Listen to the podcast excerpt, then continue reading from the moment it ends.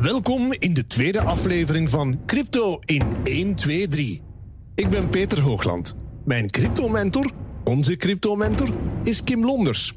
Vandaag gaan we op zoek naar antwoorden op vragen als... Wat zijn public en private keys? Wat zijn wallets? Wat zijn de voor- en de nadelen van crypto? Heb je een bankrekening en geld nodig om in de cryptowereld te kunnen stappen? Om af te sluiten eindigen we met een paar hele leuke anekdotes en een hele grote gouden raad. Welkom in Crypto in 1, 2, 3. Kim, laat ons beginnen bij het begin. Vandaag de dag bewaren wij ons geld bij de bank. Wij krijgen bij de bank, in het beste geval, hè, als we toch een beetje geld hebben, dan krijgen wij een aantal rekeningnummers. Een spaar, een zicht, hè, een aantal rekeningnummers. En om bij die rekeningnummers te komen, om aan eh, de centjes die op die rekeningnummers staan, met andere woorden, we weten van de vorige aflevering de serienummers De serienummers. die ja. op, de, die op die rekeningnummers staan, op die bankrekeningnummers staan. En op onze briefjes, niet vergeten. Ja, oké. maar het zijn dus de virtuele briefjes die op onze, op onze rekeningnummers staan. Hè. Om daarbij te komen, gebruiken wij een beveiligingsmechanisme, namelijk een pincode. Hoe zit dat nu in de cryptowereld? En we gaan beginnen bij het begin. Een munt of een stukje waarde is een serienummer. Wel, één bitcoin is ook één serienummer. Nu natuurlijk, die bitcoin mag niet gekopieerd worden. Mhm. Herinner u, dat is de, de, de uitdaging op het internet. Hè? Wat, wat doen we daarom? Of wat doet, dat doen crypto's daarom? Hè? Ze gaan encrypteren. Ze gaan er een geheimtaal voor gebruiken om dat serienummer om te vormen tot iets... Onleesbaars. Ja, tenzij je de sleutel hebt natuurlijk. Ja, tenzij je de sleutel hebt. En die sleutel, die heb jij. Mm. Noemen we in de cryptowereld een private key. Een private key, dat is de sleutel van mijn... munt. Dat is de sleutel van uw geëncrypteerde munt. Mhm. En die sleutel die is dus goud waard. Hè? Die mag jij alleen hebben. Want als je die aan iemand anders geeft, dan wordt die, als die wil, eigenaar van die munt. Dan kan die daar ook van alles mee gaan doen. Die private key is eigenlijk jouw munt. Die is jouw bitcoin. Ah ja, want die private key is het geëncrypteerde stukje serienummer wat staat voor jouw bitcoin. En die mag je nooit delen met iemand anders. Nee. Want dat zou hetzelfde zijn als uw geld weggeven. Oké, dat is duidelijk. Niet weggeven, voor mij houden. Oké. Nu, dat stukje waarde, dat staat ergens in code. Dat, dat, stukje, dat, dat stukje met die private key, dat die nu van u is. Dat die gelinkt is aan een adres van u. Om daar naartoe te gaan, hebben we ook, krijgen we ook een public key. Dus elke bitcoin heeft een private key, Mhm. een privé sleutel, hè, maar ook een public key. En een public key is gewoon een publiek adres. Oké, dan stel ik me nu de vraag, wat zijn dan de mogelijkheden? Nu zijn er twee mogelijkheden. Ofwel zeggen, oké, ik heb één bitcoin en that's it. En daar doe ik het mee. En ehm, ik leg die ergens, ik print die bijvoorbeeld af op papier en ik leg die ergens veilig in een kluis. Mhm. Natuurlijk kan je ook gaan zeggen van, ik wil die munt nu echt ergens veilig parkeren. Ik wil die ergens in een bank gaan veiligstellen. In een kluis leggen, bij wijze van spreken. Maar een bank kennen we niet in de cryptowereld. Nee, nee, goed snugger opgemerkt, Peter. Hallo. En waar gaan we dat dan gaan veiligstellen? Dan gaan we dat veiligstellen in een wallet. Een crypto wallet. En een crypto wallet vertaald is een crypto portemonnee. Ja? Dus je gaat je munten in een portemonnee gaan parkeren, veiligstellen. Er zijn twee soorten wallets. Ik ga het er kort over hebben. We gaan het er later in een van de volgende afleveringen, als we het echt hebben over, oké, wat heb je nu nodig om, als je zelf aan de slag wil gaan, hè, dan heb je uiteraard ook mogelijk een wallet nodig. Dan gaan we er dieper op ingaan. Maar voor nu ga ik al meegeven dat er twee soorten wallets zijn. Eigenlijk zijn er drie soorten wallets. En de eerste, die heb ik daarnet al meegegeven. Dat is als jij gewoon die private key van je munt afprint en in een kluis legt. Dat noemen ze in de cryptowereld een paper wallet. Oké. Ja? Dus je hebt drie soorten wallets, minimum. Om te beginnen, De paper wallet. Zijn je print je ge- geëncrypteerde serienummer af op een stuk papier, je steekt dat in een kluis. Ja, en dat is niet zo een kort codeke. Hè. Als je dat afprint, is dan een A4 vol met lettertjes en cijfertjes. Hè. Even voor de duidelijkheid. Dus dat is een private key. Mhm. Die munt wil ik ergens parkeren. Of ik print ze af. De paper wallet Maar laat ons die nu vergeten. Er zijn nog twee soorten wallets waar dat je die munten in kan parkeren. De eerste is de hard wallet of de cold wallet. Waarom hard of cold? Het gaat over hardware. Het is een stukje machinerie, toestelletje. Als je het al gezien hebt. Hè. Ik heb het nog niet gezien, maar ik noem het altijd aan de vredelde USB. Hè? Inderdaad, het lijkt op een USB-stick, maar het is geen USB-stick. Het, kan, het ding doet veel meer. En je kunt er je vakantiefoto's niet opzetten. dat gaat niet lukken. Dus dat is de hard wallet. Dus, dus dat is een, een, stukje hardware. En waarom zeggen we cold wallet? Omdat je dat stukje hardware uit de computer kan losrukken. Dus kan disconnecteren van het internet. Voilà. niemand daar meer bij kan. Voilà. En vandaar koud of cold wallet. Hè. En eh, dat stukje wordt heel vaak, of dat, dat toestelletje wordt heel vaak gebruikt als het gaat over veel munten. Omdat je die dan gewoon. Eh, en, en ook voor uh, mensen die die munten lang willen houden. Ja, die zetten dat op zo'n hard wallet, die trekken dat uit de computer, die leggen dat in een kluis en die komen daar een paar jaar niet meer aan en dan staat alles lekker veilig. Maar als ik het goed heb, dan is er ook zoiets als een soft wallet. Yes, de soft wallet of de hot wallet. En soft wallet, het ding zegt het ook gewoon weer zelf. Het gaat over software, hè? Mhm. soft wallet, software. En dat kan je gewoon zien als een applicatie op je smartphone of op je pc. Dus op je smartphone heb je bijvoorbeeld appjes en dan, je kunt dat gewoon zoeken hè, in de, hoe noemt dat, de, de, de app uh, store. Voilà. Ja.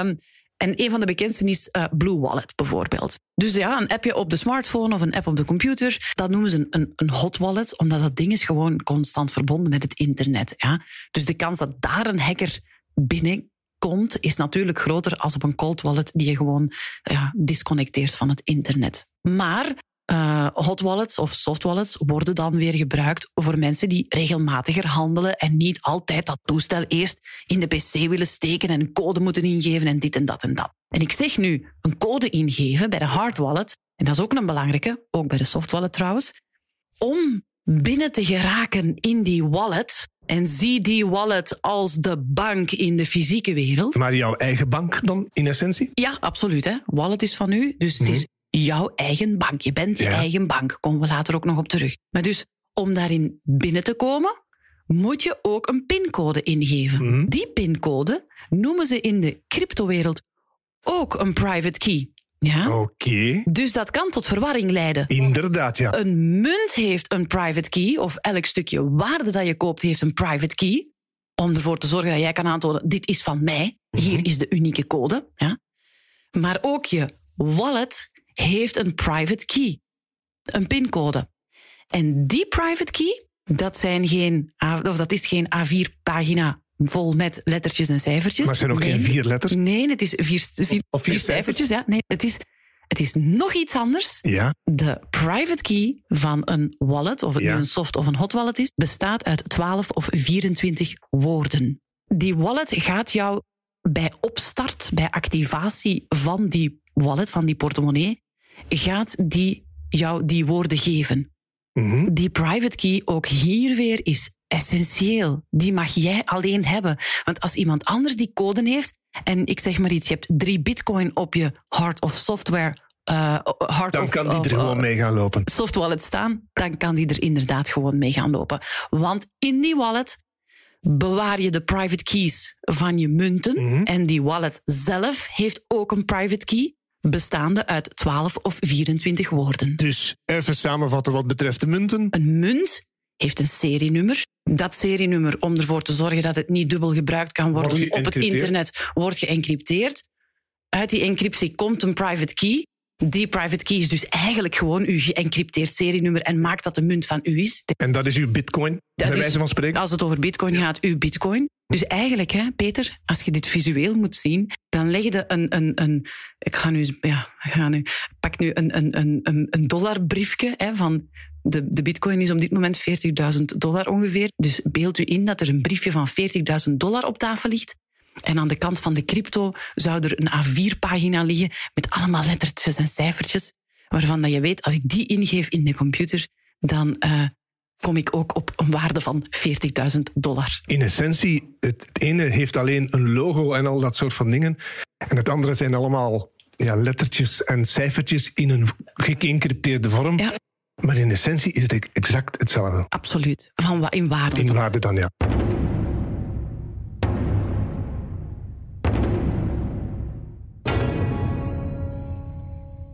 Weten nu wat een public en een private key is. We weten nu waar we die kunnen tegenkomen, waar die public en die private keys voor staan.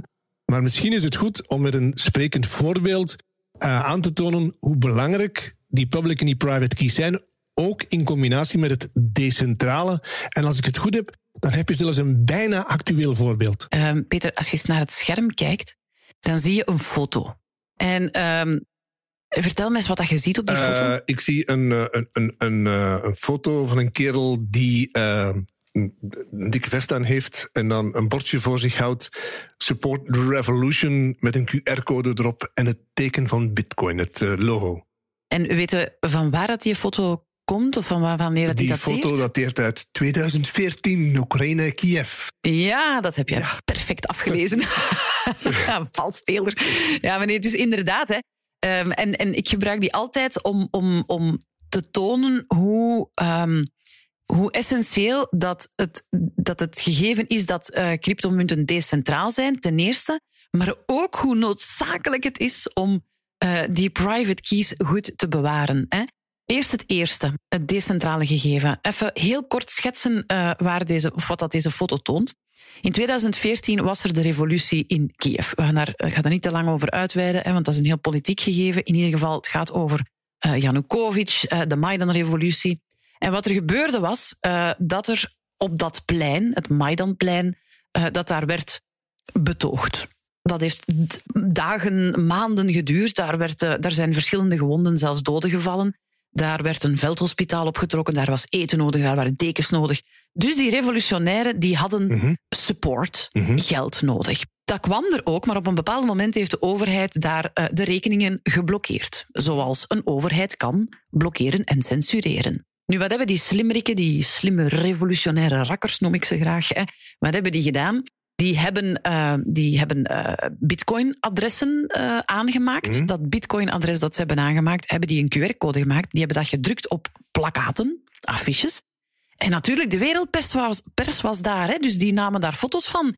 En die foto's die werden over heel de wereld in, de, in de kranten en de magazines gepubliceerd. Ja. Iedereen die in 2014 al thuis was in bitcoin op dat moment, die kon met zijn smartphone de QR-code scannen en die kon bitcoins sturen. Dus ik kon vanuit hier, zonder via een bank of wat dan ook te moeten gaan, geld doneren aan de revolutionaire gasten in Kiev. Indeed, my dear, because bitcoin is a peer-to-peer electronic cash system. Dus met andere woorden, ik naar jou, jij naar mij. Van mens tot mens. Zonder dat er ook maar iemand kon bij kijken. Dat is het, dat is het geniale aan. Dat is, dat is waar Bitcoin een oplossing voor heeft gevonden. Dat is ook de reden waarom er weerstand is bij sommige mensen tegen Bitcoin, of instanties natuurlijk. Hè. Het decentrale, niemand bij betrokken, het systeem draait op zichzelf. Ah ja, natuurlijk. Ah ja, ah ja.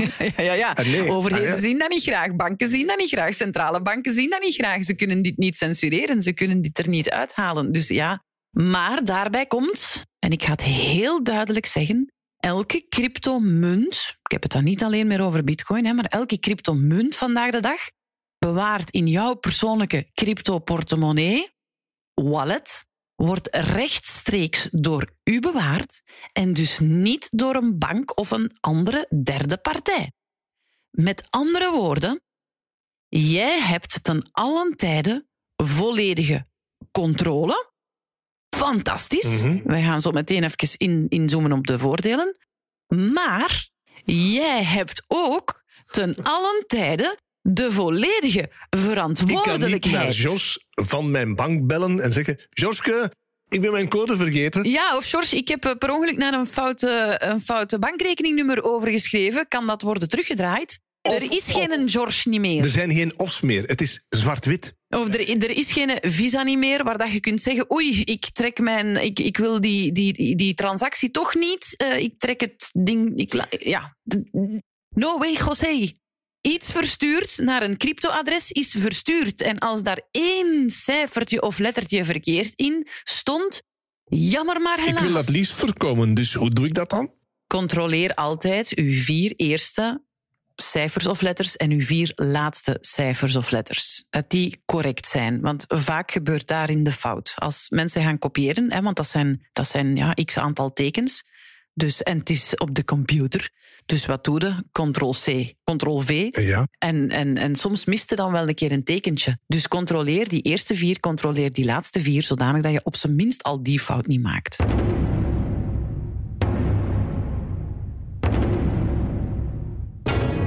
We hebben het daarnet al gehad over een aantal voordelen en nadelen. Het decentrale, opletten met cijfers en letters.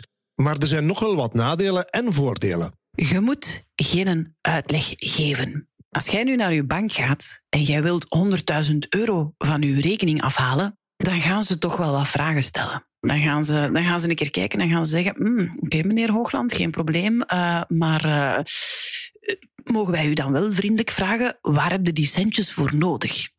Nu, op zich is dat heel normaal, hè, Peter? Want dat doen ze omwille van de anti-witwas-wetgeving, die er is om ervoor te zorgen dat er geen crimineel geld kan rondgaan. Men probeert dit ook op crypto te gaan toepassen. En ik denk eerlijk gezegd dat dat op zich geen slecht idee is. Het gaat natuurlijk, hè, bij de, de hardcore bitcoiners, gaat dit natuurlijk in tegen het idee van de decentrale munt. Aan de andere kant kun je zeggen van die wetgeving zorgt er ook voor dat het hele gegeven, de hele cryptowereld, veiliger wordt. Als ik uh, drie bitcoins dat zou nu zo'n 120.000 dollar zijn, hè, naar u wil verzenden, Ja. dan hoef ik aan niemand daar een woordje uitleg over te geven. Terwijl, als je in de bank grote uh, handelingen verricht, dan worden er vragen gesteld. Dan moet jij, als je in de, in de bank veel geld wil gaan afhalen, dan moet jij uh, documenten invullen en dan heb je wel wat schrijf- en uh, handtekenwerk alvorens de centjes op uw rekening staan of dat je ze in de hand hebt. Als ik het zo hoor, dan heb je heel veel vrijheid bijvoorbeeld. Bitcoin slash crypto 24 op 7, altijd en overal. Mhm. Mm -hmm. Als ik mm -hmm. op zaterdag een, een, een, transactie wil doen, gaat die op diezelfde zaterdag een paar seconden later aankomen bij de persoon waar dat die Mhm. transactie naartoe moest gebeuren. Ook al is dat in Nieuw-Zeeland, aan een andere kant van de planeet. Duurt even eer dat het bevestigd is. Dat wel natuurlijk. Maar het is de, de transactie zelf is onmiddellijk verstuurd over het internet. Mhm. Mm -hmm. Maar dus tijdens het weekend, uh, na de sluitingsuren, geen grenzen, uh, geen uitleg, geen bureaucratie. Het gaat heel snel. Ook uh, quasi geen transactiekosten. Hè, want nu in ons mm -hmm. systeem, in het huidige systeem met tussenpersonen, zit er, ja, worden we heel vaak geconfronteerd met transactiekosten. Die zijn Heb je daar gewoon. enige voorbeelden van?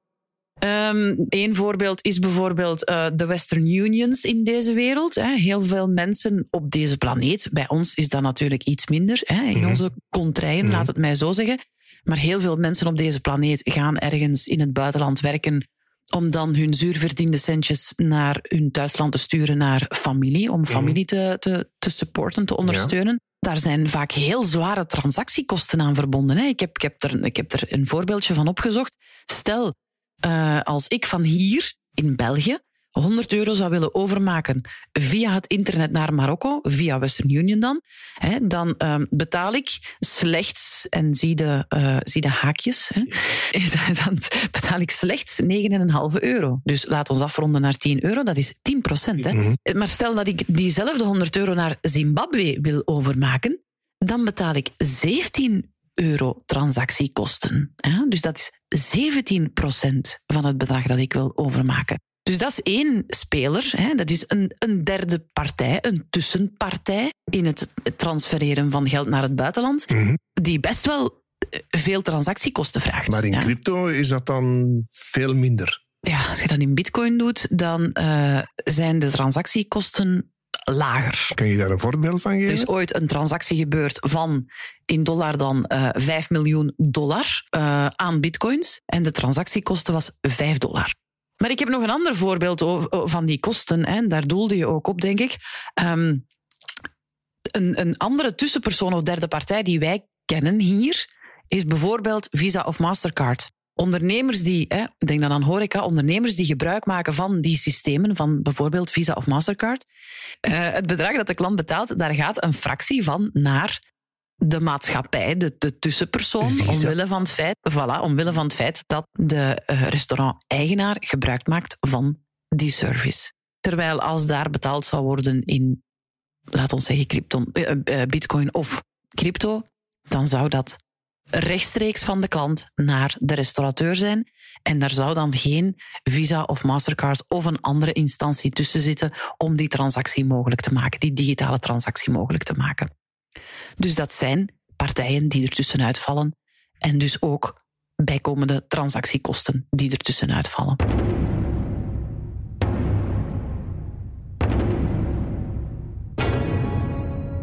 Je hebt me tijdens de vele opnames van deze podcastreeks ook wel eens iets verteld over een heel pak mensen die hier ook wel baat bij kunnen hebben bij die cryptowereld. Er zijn op deze wereld nog heel veel mensen die en laat het mij dan nu even als stempel uitdrukken, maar die de stempel hebben van unbanked te zijn. En wat is unbanked? Dat zijn mensen die geen toegang hebben tot een bank of financiële diensten. En ja, verrassend genoeg, dat zijn er best wel heel veel. Ja, wel, ik heb die cijfers eens opgezocht. Hè. Ehm, en uh, heel algemeen, Midden-Oosten en Afrika, 50 procent. 1 op 2 van de mensen die daar wonen, heeft geen toegang tot een bank of financiële diensten. Zuid- en Centraal-Amerika, 38 procent. Dus dat is bijna 4 op 10. Oost-Europa, mm -hmm. niet zo ver van hier, mm -hmm. 33 procent, 1 op 3. En, en dat vond ik dan toch wel echt wel, dat maakte toch wel een indruk op mij. Noord-Amerika, 22 procent. Dus dat zijn nog twee, net iets meer dan 2 op 10 mensen die unbanked zijn. En weet je, dat klinkt voor ons, is dat, oh, Midden-Oosten en Afrika, ja, Oké, okay, daar is het. Uh, als je weet dat daar mensen soms kilometers moeten gaan om, om tot bij een eerste bank of, of, of nog maar instantie te komen waar dat ze um, financiële diensten kunnen ja. leveren, dan is dat niet zo heel erg vreemd. Ook uh, is het vaak daar zo, dat is ook nog cultureel gegeven, dat vrouwen daar eh, geen toegang hebben tot financiële diensten, omdat mannen het daar allemaal regelen. Zeker als je dan eh, een aantal kilometer moet gaan. Alright, daar kom ik nog bij. Maar ja, die andere cijfers, hè, bijvoorbeeld die 22% Noord-Amerika, dat vind ik wel straf. En um, als je dan weet dat bijvoorbeeld in Afrika, hè, dat, is dat je soms kilometers moet gaan om, om aan een, een, een bankkantoor te komen, of kantoortje te komen, maar dat er dan wel overal um, antennes staan. 4G-masten. Voilà, 4G-masten om ervoor te zorgen dat mensen wel smartphones kunnen gebruiken. Mm -hmm. Ja, als je dan beseft van dat wij um, um, waarden, munten kunnen gaan verhandelen als we een smartphone hebben, cryptomunten over het internet op een veilige manier, dan is dat wel een revolutie, hè Peter? Dus met andere woorden, Kim, met mijn iPhone en een 4G-verbinding kan ik zo meteen deelnemen aan de cryptowereld. Het is, het is gewoon heel erg simpel. Je gaat gewoon naar... Als je, als, ik heb een smartphone. Het hoeft zelfs geen iPhone te zijn. ik heb een smartphone ik wil een, een soft wallet aanmaken. Ik ga naar de App Store of de, hoe noemt dat bij Android? Nu verklap ik natuurlijk ja. dat ik een iPhone gebruiker ben. Maar goed, de App Store van Android. ik ga daar naartoe. Ik uh, download de applicatie van bijvoorbeeld Blue Wallet. En ik ben vertrokken. Als ik dan, ik zeg maar iets, bananen ga verkopen, en, en die andere persoon die heeft ook een Blue Wallet en die heeft daar ook al munten op staan, dan kan die mij betalen met die munten. En van zodra dat ik de eerste betaling ontvang, heb ik munten in mijn software wallet, in mijn soft wallet. En kan ik die munten ook gaan gebruiken om weer mee te gaan handelen met anderen. En ik ben vertrokken. Ik ben niet bij de bank moeten passeren. Ik heb geen munten moeten kopen, dus ik heb er geen geld moeten insteken. Ik heb niks nodig gehad om te starten met handelen in cryptomunten. Geen geld of bankrekening, gewoon een smartphone en een 4G-verbinding en je stapt in de cryptowereld. Ja, voor ons klinkt dat vreemd omdat wij gewend zijn om cryptomunten te kopen. Dat is de manier waarop dat wij kijken naar de cryptowereld en we zeggen, ah, ik wil, ik wil daar deel van uitmaken. Dus in ons geval, ik heb euro's nodig. Mm -hmm. En ik ga met die euro's Bitcoin of Ethereum of eender welke andere cryptomunt kopen.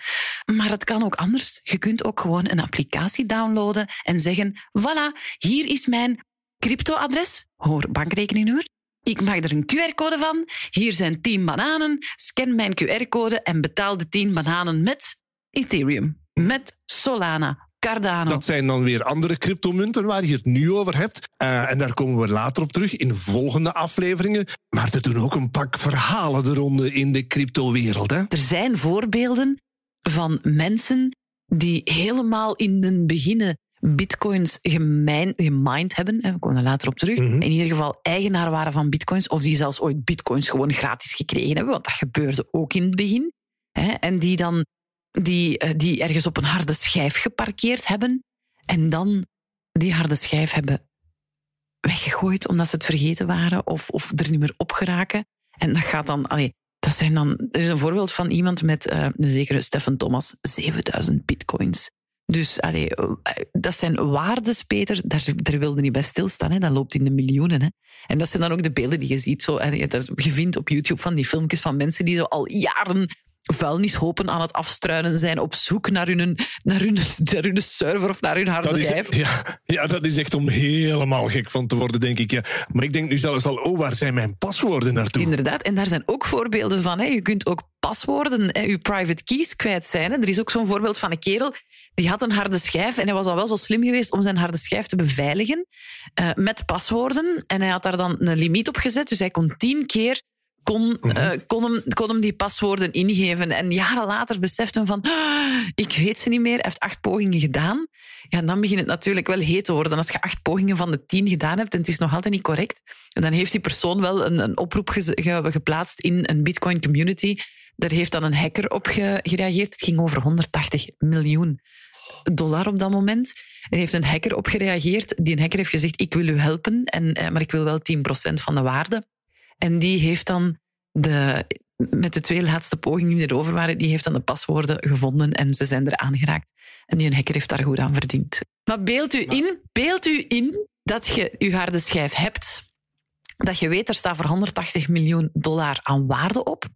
En ik heb nog twee pogingen om eraan te komen. En anders is het 180 miljoen down the drain. Een vreselijke gedachte en een vreselijk gevoel moet dat zijn. Ondertussen zijn we aan het einde van deze tweede aflevering gekomen. Ik stel voor dat we deze Crypto in 1, 2, 3 aflevering 2 afsluiten met een gouden raad. Onthoud, en dat is een, een, een, een, een- een wijze eh, crypto-regel, not your keys, not your coins.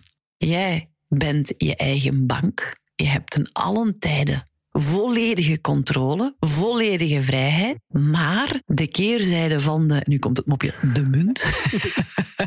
de keerzijde van de munt is dat er ook nadelen aan verbonden zijn. Met andere woorden, jij hebt de volledige verantwoordelijkheid. In deze tweede aflevering van Crypto in 1, 2, 3 maakten we kennis met public en private keys. De soorten wallets, de voor- en nadelen, anekdotes en we sloten af met een gouden raad. In de volgende aflevering duiken we nog iets dieper onder de motorkap van de bitcoin en zijn revolutionaire blockchain-technologie. We proberen je helder uit te leggen hoe transacties zoals onder andere betalingen in crypto slash bitcoin, andere munten, op een geniale manier worden geregistreerd, bijgehouden en versleuteld met die blockchain-technologie, zonder dat daarmee nog gefraudeerd kan worden. Dus ja, de volgende aflevering van Crypto in 1, 2, 3 wordt alweer een nieuwe en intrigerende ontdekkingsreis door het crypto-ecosysteem. Graag tot aflevering 3. Deze podcast is een productie van HLN, Peter Hoogland, Buitenbenen en Kim Londers. Vond je deze podcast goed? Deel hem dan via sociale media of laat een review na in jouw favoriete podcast-app.